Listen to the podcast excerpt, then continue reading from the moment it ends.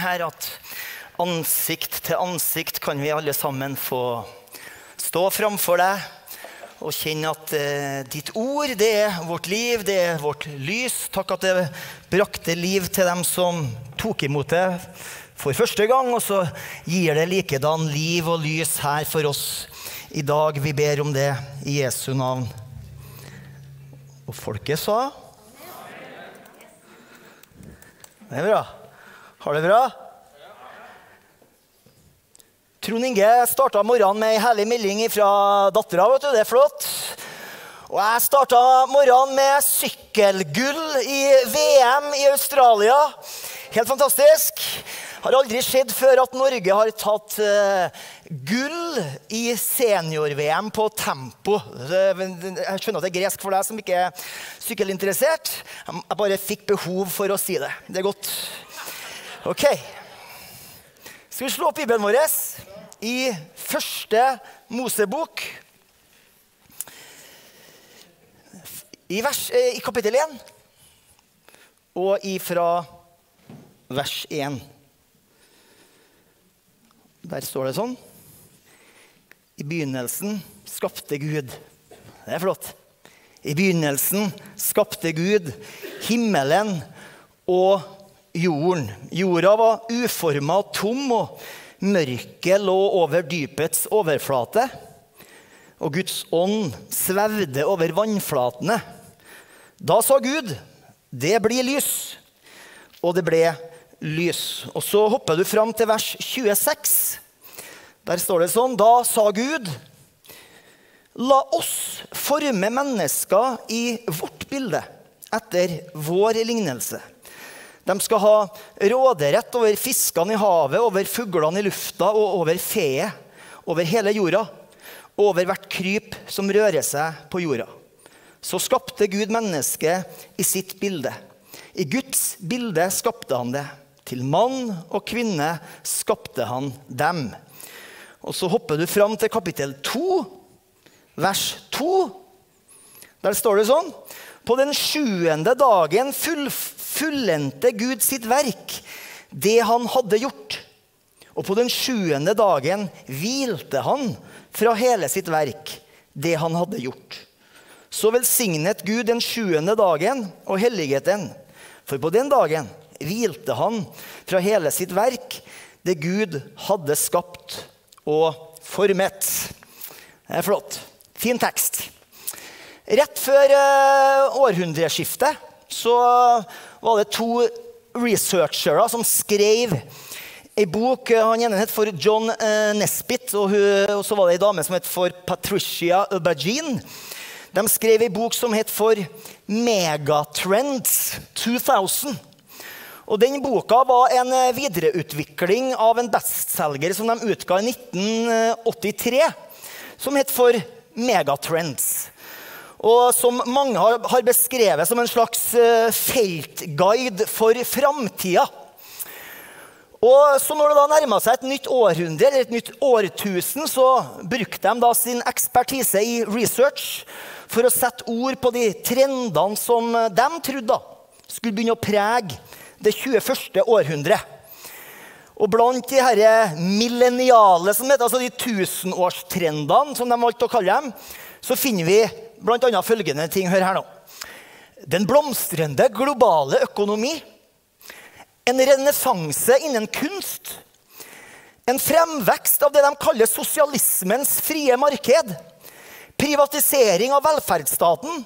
Fremveksten av de asiatiske landene ved Stillehavet. Biologiens tidsalder. Og så religiøs vekkelse over hele verden. Så noe har de fått med seg. Det er bra. Og så kommer de her to researcherne med følgende påstand. Skal vi se Det mest spennende gjennombruddet i det 21. århundret vil skje ikke pga. teknologi, men pga. et ekspanderende konsept om hva det vil si å være menneske. Spennende? Så sitt og tenk litt på det der nå mens jeg prater. ok? De tror at det viktigste spørsmålet i det 21. århundret, det er hva betyr det, eller hva vil det si å være et menneske? Og her kommer jo de første kapitlene i Bibelen oss til hjelp. Første Mosebok, kapittel 1 til kapittel 11. Det som vi kaller for urhistorien. I første Mosebok, fra kapittel 1 til kapittel 11, så finner vi på en måte historien med stor H, som gir mening til min og din historie, til våre historier. Og enhver kultur i enhver tid har en form for en historie som gir mening for deres eksistens. Det kalles for metanarrativ, for, for å gi deg et fremmedord. En metanarrativ det er en overordna fortelling som, som, som, som, kan fortolke vår historie. Og, og, og, og enhver sånn metanarrativ prøver å svare på noen overordna spørsmål, sånn som Hva er vi for noe? Hvem er vi? Hvor kommer vi fra? hen? Hvorfor er vi her? Eh, vi som i det ene øyeblikket kan konstruere noe fantastisk som er til gagn for mennesket, og så i neste øyeblikk så bomber vi hverandre i hjel. Hva er det som er galt med oss? Hvorfor kan vi kjenne smerte som mennesker liksom dypt her på innsida? Kan problemet bli fiksa? Eh, hva skjer når vi dør? Har menneskets historie noe mening? Og hvis det har noe mening, hvor skal alt ende opp hen? Jeg tror at vårt kultur, vår kultur, vårt samfunn, strever litt fordi vi ikke har en, en overbevisende, overordna historie. Og det fins mange tilbud om det. Det er, ikke, det er ikke der problemet ligger. Men vår kultur mangler denne ene store historien som gir mening for våre historier. Og det gjør at første Mosebok 1 til kapittel 11 det er egentlig en fantastisk gave. Og her, her finner vi historien som når den får, uh, får lov til å bli fortalt, begynner med å sette alt på plass og gi alt det rette perspektivet. Og denne historien talte et ord av skal vi si, et frihetens ord til, til dem som tok imot og hørte for første gang for mange århundrer siden. Og, det, og denne historien taler også et frihetens ord til oss her i dag. For i denne historien så begynner vi å forstå herligheten i det å være et menneske. I begynnelsen skapte Gud himmelen og jorden. Og så kommer vi til vers 26, så stod det Gud sa, la oss forme mennesker i vårt bilde, etter vår lignelse. Den store, store sannheten som hevdes i Bibelen, i, i, i, det første verset, som mange teologer mener egentlig er en sang, det er et dikt, det er poesi, det er at skaperen skaper skapelsen, eller skapningen. Skaperen skaper skapningen. Det er på en måte de tre første tonene i det vi kan kalle for skapelsens sang. Og når vi som mennesker spiller de tre tonene riktig, da, så kan vi synge resten av historien i riktig dur. For det er viktig. Skaperen skaper skapelsen. Første Mosebok den er full av sjuere. Sju dager. Sju la det bli. Sju, det var godt. Derfor skal jeg gi deg sju observasjoner. og det der hadde funka, bedre hvis vi hadde For egentlig det her er preken fra Det, det, det er egentlig to bibeltimer i én. Så, så, derfor måtte jeg hive med følgende. Derfor skal jeg gi deg sju observasjoner om hva teksten sier til oss. Og deretter skal jeg gi deg en åttende en. For det er del to. ok? Men vi skal klare det. Observasjon nummer én. Vi vet at skaperen skaper skapningen fordi skaperen fortalte oss det. Det vi leser i første Mosebok 1, er ikke et produkt av menneskelig resonnement. Nei, det er helt tydelig, sånn som teksten sier oss, det er et, det er et resultat av guddommelig åpenbaring.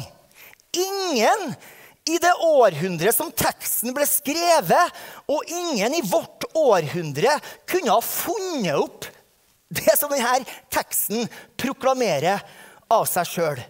Og hva er det som blir åpenbart i denne skapelsens sang? Jo, det bringer oss til observasjon nummer to. Skaperen skaper skapningen ut av ingenting. Det er kult. I begynnelsen var Gud og ikke noe annet. Og ut av ingenting skaper Gud skapningen. Og Det hebraiske ordet som brukes der om å skape, det er det hebraiske ordet bara. Og i Bibelen så er det bare Gud som praktiserer bara. Ingen mennesker kan bara. Ingen. Og ordet vektlegger det å skape noe helt nytt ut av ingenting. Så skaperen skaper skapningen ut av ingenting. Observasjon nummer tre. Skaperen skaper skapningen ved å tale. Helt enkelt ved å tale. Ingen voldsom kamp mot fiendtlige krefter som alle gamle myter hevder. Det er ingen liksom voldsom utblåsing av massiv energi for å bekjempe noen motstandere. Nei, helt enkelt ved å tale. Det er ingen i det årene som kunne funnet på det.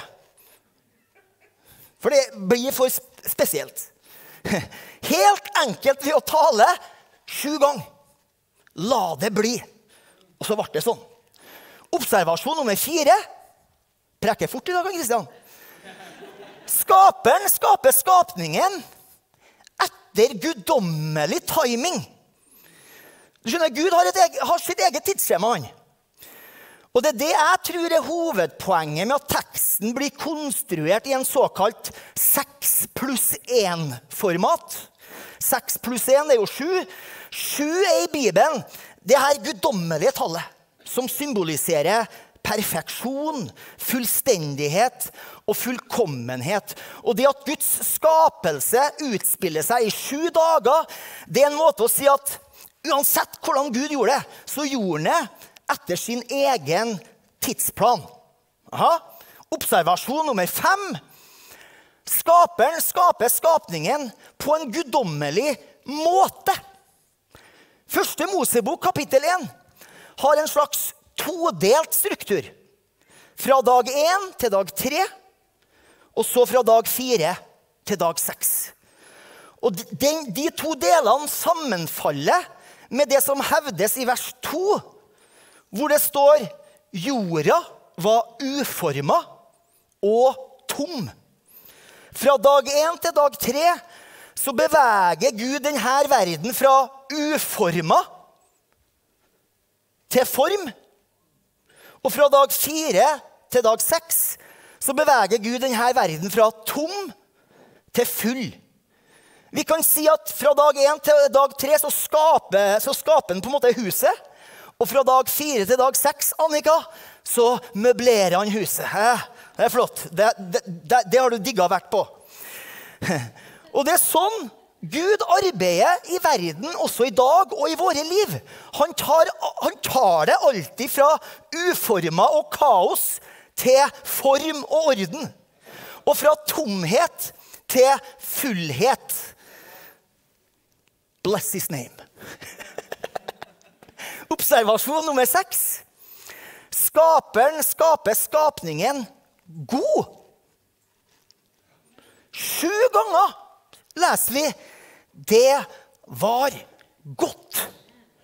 Og så hører vi en åttende gang i vers 31 i 1930-oversettelsen 'det var såre godt'. Eller eh, 'det var veldig godt'. Det var svært godt. Hvorfor går det fra godt til svært godt? Fordi du ble skapt. Aha. Vi ble skapt. Da gikk det fra godt til svært godt. Og det er når skaperen skaper oss, at hjertet hans begynner å synge særdeles godt. Det er herlig. Er det det du eh, tenker når du drar deg på morgenen og ser deg i speilet? Særdeles godt. det er bra. Og, og det å bringe oss til den sjuende observasjonen. Og den skal vi bruke litt mer tid på. Okay? Observasjon nummer sju. Skaperen skaper en skapning i sitt eget bilde. La oss skape mennesker i vårt bilde etter vår lignelse. Så skapte Gud mennesket i sitt bilde. I Guds bilde skapte han det. Til mann og kvinne skapte han dem. Vi skal ta bare noen steg litt tilbake fra teksten, og så skal vi reflektere litt over det her i en litt større sammenheng. Vi som lever nå, 2022, vi som er her i dag Min påstand er at vi leser ikke denne teksten i et vakuum, som om den bare eksisterer helt for seg sjøl. Vi leser 'La oss skape mennesker i vårt bilde', samtidig som vi er konfrontert med flere og til og med motstridende påstander om hva det vil si å være et menneske. Sånn er det å leve. Masse meninger, masse påstander. Vi lever i en tid prega av vitenskap. Det er kjempebra. Utrolig spennende. Og det er en professor, eh, Han var en professor i material science og electrical engineering eh, ved Stanford University. Han het for Richard Bube. Han hadde i over 20 år et seminar ved Stanford University som het for Issues in Science and Christianity. Det er flott. Og I 1971 så skrev han en bok som heter for The Human Quest. Den menneskelige søken. Og, og, og mange anser den boka som en klassiker. The Human Quest. Den menneskelige søken. Og den sentrale tanken som han hevder i den boka, det er at virkeligheten og mennesker som er en del av virkeligheten, må bli studert eh, og forstått på mange ulike nivå og fra ulike perspektiv. Eh, det sentrale poenget det er følgende Det er mange nivåer der en gitt situasjon kan beskrives. Og en utfyllende beskrivelse på ett nivå utelukker ikke en meningsfull beskrivelse på et annet nivå. Fikk du med det? Gir det mening for deg? En utfyllende beskrivelse på ett nivå utelukker ikke en meningsfull beskrivelse på et annet nivå. Jeg skal gi deg, gi deg et eksempel. Richard Bube bruker som eksempel denne enkle setningen Jeg elsker deg. Flott. Jeg elsker deg kan beskrives på mange ulike nivå. Den kan beskrives på nivået som har med tall å gjøre. Jeg liker å kalle det for nerdenivået. I den setningen er det tolv bokstaver. Fire av dem repeteres. E, e, e, e. Setningen er ordna etter den tiende, den femte, den sjuende, den femte, den tolvte, den nittende, den ellevte, den femte, den attende, den fjerde, den femte, den sjuende bokstaven i det norske alfabetet. Det der er en sann beskrivelse av denne setningen på ett nivå. Nerdenivået. Vi kan også si mye sant om denne setningen på det vi kaller for det vokabulære nivået. Det som handler om ord bokstaver sin lyd og ord som står i forhold til hverandre, hvor ord peker ut over seg sjøl. Vi kan si noe om denne setningen på det grammatikalske nivået. Det personlige pronomenet 'jeg', verbet 'elsker', objektet 'deg', verbet står i presens. Det er også en sann beskrivelse av denne setningen på ett nivå. Og sånn kan vi holde på til andre nivå. Helt til vi kommer til nivået som har med handling å gjøre. Hvor 'jeg elsker deg' får noe magisk til å skje. Som alle single damer drømmer om. 'Jeg elsker deg' som får hjertet til å slå litt fortere til den personen som hører de her ordene. Og det er det, det er det nivået dere single menn må komme til. ikke sant? over og forbi nerdenivået, som har med tall å gjøre, eh, til handling. Det er der magien skjer, ikke sant? Det er, det er, mitt, det er min form for ekteskapsrådgivning. Richard Bube han sier at det er mange nivåer der en gitt situasjon kan beskrives, og en utfyllende beskrivelse på ett nivå utelukker ikke en meningsfull beskrivelse på et annet nivå. Så en fullstendig beskrivelse av en situasjon krever egentlig en beskrivelse på mange ulike nivå. Virkeligheten, universet, mennesket må studeres og forståes på mange ulike nivå. Fysikk, kjemi, biologi, zoologi, antropologi, psykologi, sosiologi og teologi. Og vi vil ikke forstå universet eller mennesket fullt ut før vi tar betraktning beskrivelsen av virkeligheten på alle ulike nivå. Så en fullstendig biologisk beskrivelse av mennesket utelukker ikke beskrivelsen av mennesket på et teologisk nivå, og heller ikke motsatt. Problemet oppstår når ett nivå tror at man sitter på hele bildet, og ikke er åpen for innsikten fra andre nivå. I begynnelsen skapte Gud himmelen og jorda. Og så sa Gud, la oss forme mennesker i vårt bilde. Etter vår lignelse. Fram til dette punktet i første Mosebok 1 så har vi hørt Skaperen si La det bli. La det bli lys. La det bli en hvelving, osv. osv. Men når han kommer til skapelsen av mennesket, så forandres ordene.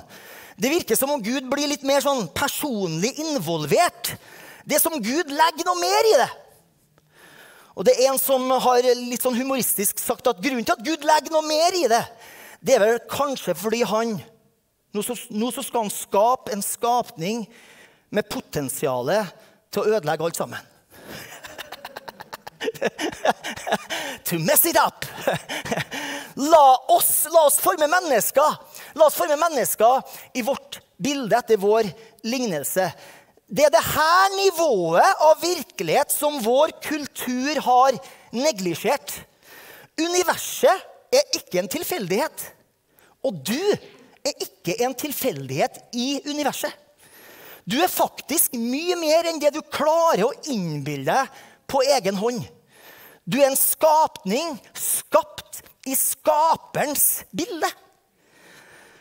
Og det er mange bøker som har blitt skrevet om denne termen i Guds bilde, i vårt bilde, etter vår lignelse. Når jeg leser den teksten, så er det to store sannheter om det å være menneske som kommer fram. Og det er ordet representasjon. Og så er det ordet refleksjon.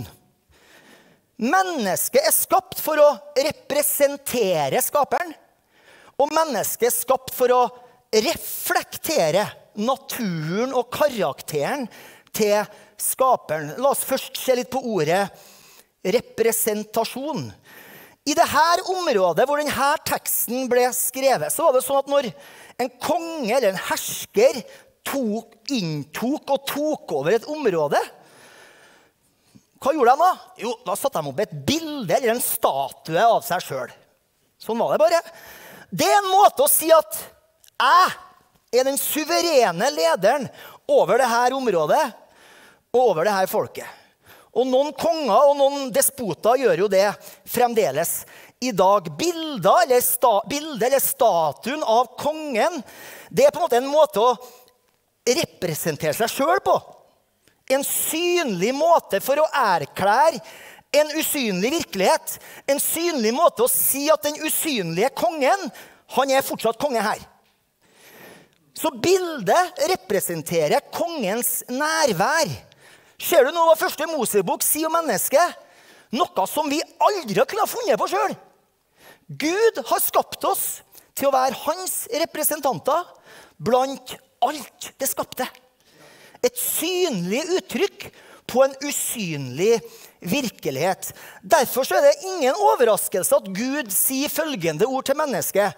Vær fruktbar, bli mange, fyll jorda, legg den under dere. Dere skal råde, osv. Teologen Ian Hart han sier følgende at det å utøve kongelig autoritet over det skapte som Guds representanter er hovedhensikten for at Gud skapte mennesket. På skaperens vegne så har vi blitt satt til å ta oss av det skapte. Det, det er storhet. Det er verdighet. På skaperens vegne som hans representant har du blitt satt til å ta deg av skapningen. Slik som skaperen ønsker å ta seg av skapningen. Og hør hva salmisten sier i Salme 145 og vers 9. Der står det Herren er god mot alle, og hans rike barmhjertighet hviler over alt hans verk. Alt hans verk. Og det er sånn vi skal utøve vår menneskelige verdighet, barmhjertighet, over alt Guds verk. Og da trenger ikke jeg å fortelle deg at noe har gått galt. Men det er en annen preken. ok? Men det er fortsatt vår rolle. Barmhjertighet over alt Guds verk. Det andre ordet det var ordet refleksjon. Vi som mennesker vi er skapt for å reflektere skaperens natur og skaperens karakter. Tenk på det. Resten av det skapte, og det er jo mye, skal skje på meg og deg. Og da skal de se Guds natur og Guds karakter. I første Mosebok 5, vers 3, så finner vi de samme ordene. Der står det Adam hadde levd i 130 år. Da ble han far til en sønn som lignet ham og var hans eget bilde, og kalte ham Sett. Adams sønn Sett han var da på en eller annen måte en refleksjon av Adams natur og Adams karakter. Og det er på samme måte med oss. Vi reflekterer Guds eh, natur og Guds karakter. Og hva er det vi reflekterer? For det er vel umulig for oss å reflektere alt det som Gud er. For jeg mener, Vi, vi er jo tross alt begrensa som mennesker. Hvordan kan du, vi da reflektere Gud som er ubegrensa? Vi er ikke, og vi, vi kommer aldri til å bli allvitende, allmektig, alle steds nærværende. Jeg ser en del folk som prøver. Men det er jo fryktelig slitsomt. fryktelig slitsomt. Så hva er det vi reflekterer av Gud? Jo, du vet, det, det er visse ting som er unikt med eh, mennesker. Som gjør oss forskjellige fra alt det andre som er skapt. Det sies at mennesket er en moralsk skapning, utstyrt med en fri vilje. Eh, mennesket er en rasjonell skapning med evne til å tenke, til å forestille seg, resonnere og snakke, da, ikke minst. Mennesket planlegger sine handlinger etter prinsipper og verdier. Vi beseirer hindringer for å nå våre mål. Mennesket en kreativ skapning som skaper skjønnhet, orden og progresjon. Vi har evnen til å skjelne rett fra galt. Vi har evnen til å ta oss av det Gud har skapt. Det er vi mennesker som har evnen til å ta på oss andres sko, som vi sier. Føle smerten som andre føler. Alt det her gjør mennesket unikt. Men legg merke til ordbruken i teksten vår. Når han begynner å snakke om mennesket, så sier han La oss i vårt bilde etter vår lignelse. Jeg tror at den viktigste sida av Gud som vi skal reflektere, det er denne sida av Gud som uttrykkes med oss og vårt. Helt i begynnelsen av vår historie så møter vi en Gud som kan bruke det personlige pronomenet i flertall. Det ordet som brukes i Gud om Gud i, i første Mosebok, det er jo Elohim. Det er et flertallsord. Altså den Gud som har skapt oss. Han er en Gud som kan tale om seg sjøl som oss. Ja, oss kan selvfølgelig betegne det som kalles for det såkalte eh, majestetiske flertall, hvor en konge eller en dronning sier 'vi' når de egentlig mener 'jeg'. Men Gud bruker ikke sånn andre plasser i Bibelen. Andre teorier har blitt lansert om at dette refererer til det såkalte himmel, det, det himmelske råd, altså Gud og noen av hans engler. Men ingen andre plasser i Bibelen kommer det fram at vi er skapt i englene sitt bilde. For han sier skapt i vårt bilde. Guds bruk av oss og vårt tar oss inn i et mysterium. At i den ene Gud så fins det pluralitet, som heter. Den levende Gud. Han er på en eller annen måte et fellesskap. Teksten snakker tydelig om treenigheten, men den åpner i hvert fall døra for det. Det som kirka senere kalt for, har kalt for treenigheten. Og her er poenget. Vi er skapt for å reflektere denne relasjonelle naturen til skaperen. Vi er skapt for å reflektere denne jeg-oss-vi-relasjonen til Gud. Mennesket i skaperens bilde er mennesket i fellesskap. Vi er skapt for å reflektere dette fellesskapet. Paul Simon og Art Garfunkel de hadde ei låt hvor de synger I am a rock. I'm an island. Jeg er en stein eller ei klippe, ei øy. Men det er ikke mennesket i Guds bilde. Du er ikke ei øy. Vi er skapt for relasjon. Og det er derfor brutte, eller eh, det passer bedre å si brekte relasjoner, gjør så mye mer vondt enn brekte bein. Ja. La oss skape mennesket. Vi er skapt for relasjon, og ytterst sett er vi skapt for relasjon med Gud, som er en relasjon. La oss i vårt bilde sånn. Og når den store historien fortsetter, så ser vi at vi er skapt for å være deltakere i denne oss-relasjonen. Det er herlig. Det betyr at vi vi endelig vil finne ut hvem vi virkelig er når vi er i relasjon med Gud. Vi vil endelig finne ut hva det virkelig vil si å være et menneske når vi lever i relasjon med Gud. Og det fører oss til den åttende eh, observasjonen, for jeg lovte deg åtte observasjoner. Ok? Nummer åtte. Nå ble det litt filosofisk. Er du klar for det? Nummer åtte. Skaperen skape, uh, skaperen skaper en sabbatsskapning. OK? Tenk på det. Det er noe som ingen av oss har kommet til å funnet på sjøl. På egen hånd. Skapelsens høydepunkt er ikke mennesket. Nei, skapelsens høydepunkt, det er sabbaten. På den sjuende dagen hvilte Gud. Ikke fordi han var sliten, nei, nei, nei. men fordi skaperverket var fullført. Og så har Gud bygd inn i selve skapningen en spesiell dag. Den sjuende dagen. Har du, har du lagt merke til når du leser i, i første Mosebok 1, og, og, og, og, når du havner i, i kapittel 2 der, så er det sånn at den sjuende dagen tar egentlig aldri slutt. Den tar aldri slutt.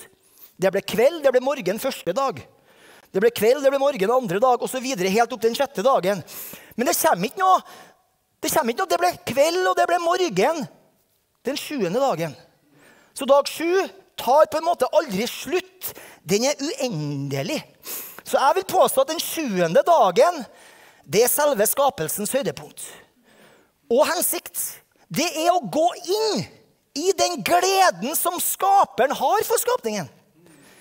Sånn at vi endelig kan glede oss over å nyte skaperen. Det er så bra, vet du. Først, I første Mosebok 1 så ser vi Gud i full hvis han utøver kreativitet og skaper kraft. Han skaper himmel og jord, sol, måne, stjerner, planter, trær, elefanter, mus osv. Og, så og så Likevel så skjønner vi på en måte at det er mer ved Gud enn det vi møter i skapelseshistorien. Det er noe mer. Og en som heter for Ronald Wallace, han sier det på denne måten. Det at Gud hvilte på den sjuende dagen, betyr at han ikke har tillatt at skapelsesdagenes aktiviteter kan binde ham. Han har noe å si som ikke kunne bli sagt i det han gjorde de seks dagene. Han har fortsatt noe å gi som ennå ikke er gitt gjennom all denne entusiasmen han uttrykte i sitt skaperverk. Gud har noe nytt, noe ekstra å gi til denne verden. Som går over og forbi det han allerede har gitt oss i skapelsen. Og Gud har bygd inn i sitt skaperverk en dag når han kommer og gir oss det han ikke ga oss i skapelsen. Og så eh, prøver Wallace på en måte å si det, det, det, Gud sier til oss. da. Han sier, 'Jeg har bygd sabbaten inn i selve skaperverket.' 'Jeg vil velsigne sabbaten ukentlig hver gang.' 'Og på den dagen skal jeg gi menneskene min egen sabbatshvile.' 'På den dagen skal jeg dele med menn og kvinner det som er holdt tilbake i skapelsen.' Lytt til meg når jeg kommer nær og taler til deg, og gi respons til meg når jeg tilbyr deg mitt fellesskap. Og søk denne dagen hvor jeg drar dere til meg sjøl. Du skjønner, Sabbatshvilen det er et bilde på noe større. Frelsens fylde, kan vi kalle det. Og også selve himmelen. Frelsens fylde her og nå, men også himmelen en gang der framme. Og forfatteren av Hebrebrevet han plukker opp denne tanken. Og vi skal avslutte med det. Fra Hebrebrevet kapittel 4 og vers 9. Der står det sånn. Derfor gjenstår det en sabbatshvile for Guds folk. For den som er kommet inn til hans hvile, har også selv fått hvile fra sine gjerninger. Slik Gud hvilte fra sine så kjenner jeg la oss derfor være ivrige etter å få komme inn til vinen. Du vet, Det er noe vi, vi kan kalle for troens hvile. Som vi kan leve i her og nå. Og så er det noe vi kan kalle for himmelens hvile. Som vi kan gå inn i ved livets avslutning. Altså hos Gud kan vi hvile enten vi lever her og nå, eller vi dør. I begynnelsen skapte Gud himmelen og jorden, la oss forme mennesker i vårt bilde etter vår lignelse. Og det er nettopp det Jesus Kristus kom til verden for å få til å skje. Han inviterer deg inn i denne relasjonen. Der får du sabbat. Da. Altså der får du hvile. Han er selve Guds bilde og lignelse, sier hebreerbrevet. Og det er han på ethvert område. Og så, og, og så, er det Jesus som sier til oss i et av evangeliene Kom til meg, alle som strever, og som har tungt å bære, og jeg skal gi deg hvile. Jeg skal bringe deg tilbake til det du var skapt til å være. Herre, vi takker deg for ditt ord. Takk at vi har Takk at vi kan møte en stor Gud i ordet. Og så kan vi også se at du har store tanker og store planer for mennesket. Vi er skapt for å representere deg og reflektere deg. Jeg ber om at du hjelper oss i det forvalteroppdraget, sånn at vi viser hvem du virkelig er i denne byen, i denne kirka og overalt der vi eh, er i hverdagen vår. Reflekterer vi deg og din store kjærlighet til alle mennesker. Vi takker deg for det i Jesu Kristi navn. Hvis du er her i dag og ja, aldri har opplevd denne relasjonen med Gud. Jeg møter så mange mennesker som tror at det vi holder på med, det er oppførselskristendom. Slutt med det, slutt med det og slutt med det. Jeg satt eh, i, i bilen min her dag, eh, en dag med en 17-åring og snakka eh, litt med han om, om Jesus. Og så, og så, sa han ja, men Kristian, hva er det det handler om? nå sånn? Og så kom vi inn på denne fortellinga om Jesus som møtte ei dame ved brønnen. Og så snakka jeg i store bilder om at det går an å få en, en brønn på innsida hvor det bare pipler opp av vann. vet du. Og da sa denne gutten til meg at Kjenner du den brønnen, Kristiansand? Ja, jeg gjør det. Jeg gjør det. Nå har du noe å tenke på vet du, til neste gang vi treffes. Så du skjønner at det, det vi tror, det er ikke oppførselskristendom. Vi tror at det går an å få en relasjon med Skaperen. Og så starter du noe nytt der, og så begynner du da en vandring sammen med Jesus. Og for å komme i den relasjonen, så kan du enkelt og greit være med på ei bønn som vi kan få på skjermen her nå. Jeg tror kanskje vi kan få til det. Har vi den klar? Eller så skal jeg lede ei bønn, vet du. Det skal gå bra, det òg. Der kjenner jeg, vet du. Ber vi, Hvis du aldri har liksom tatt imot Jesus og sagt 'Jeg vil at du skal være herre i mitt liv', kan, bare, kan vi alle sammen hjelpe til? Så ber vi denne bønna sammen. Takk, Jesus, for dagen i dag. Jeg ønsker at du skal fylle mitt liv med din fred. Du tar imot meg, og jeg ønsker relasjon med deg. Hvis du ba den bønna for aller første gang, så bruker vi å sende med deg tre enkle, gode råd. Det første er at si det til noen. Fortell det til noen, enten til noen her i dag eller til noen du har tillit til. Det vil hjelpe deg å sette ord på at du, jeg ba denne bønna. Jeg åpna hjertet mitt, og så ba jeg bønn til Gud. Det andre, det andre rådet er les i Bibelen din. Har du ikke en bibel, så, så spør noen om å skaffe en bibel til deg. Det, det, bør vi klare å få til. Les i Bibelen. Og det tredje er finn deg ei kirke. Vi tror på denne relasjonen. Dette er en familie som vil gjøre det enklere for deg å ta de neste stegene. Gud velsigne deg. Jeg har én ting til jeg vil be om. Uh, uh, når jeg satt her, uh, når vi sto her under den første bolken av, av lovsangen, så bare tenkte jeg plutselig Øresus i høyre øre. Er det noen som har det, og som plages med det? Kanskje det suser nå, eller at det suser med noen spesielle frekvenser. Hvis du er her og plages med øresus i høyre øre, kan du bare tør å rekke opp hånda, så skal jeg ikke ta deg fram. Gud velsigne deg, og Gud velsigne deg, og Gud velsigne deg. Så skal vi, skal vi bare riste oss opp, og så ber vi til Herren. Herre, jeg takker for at du er den store legen som også kom med helse og legedom til, til alle mennesker. Du er god mot alle, leste vi, Herre, og din barmhjertighet hviler over alt ditt verk. I Jesu Kristi navn så befaler vi øresus å opphøre. Vi befaler det å avslutte her nå i Jesu Kristi navn. Vi ber om din helbredelseskraft, Herre, som skal røre ved de menneskene som rakk opp hånda si, sånn at hørsla blir 100% og øresuset forsvinner. Kom med din legedom, Herre, i Jesu Kristi navn. Amen. Amen. Gud velsigne dere. Hei, og takk for at du har sett på eh, en tale fra Betel Trondheim.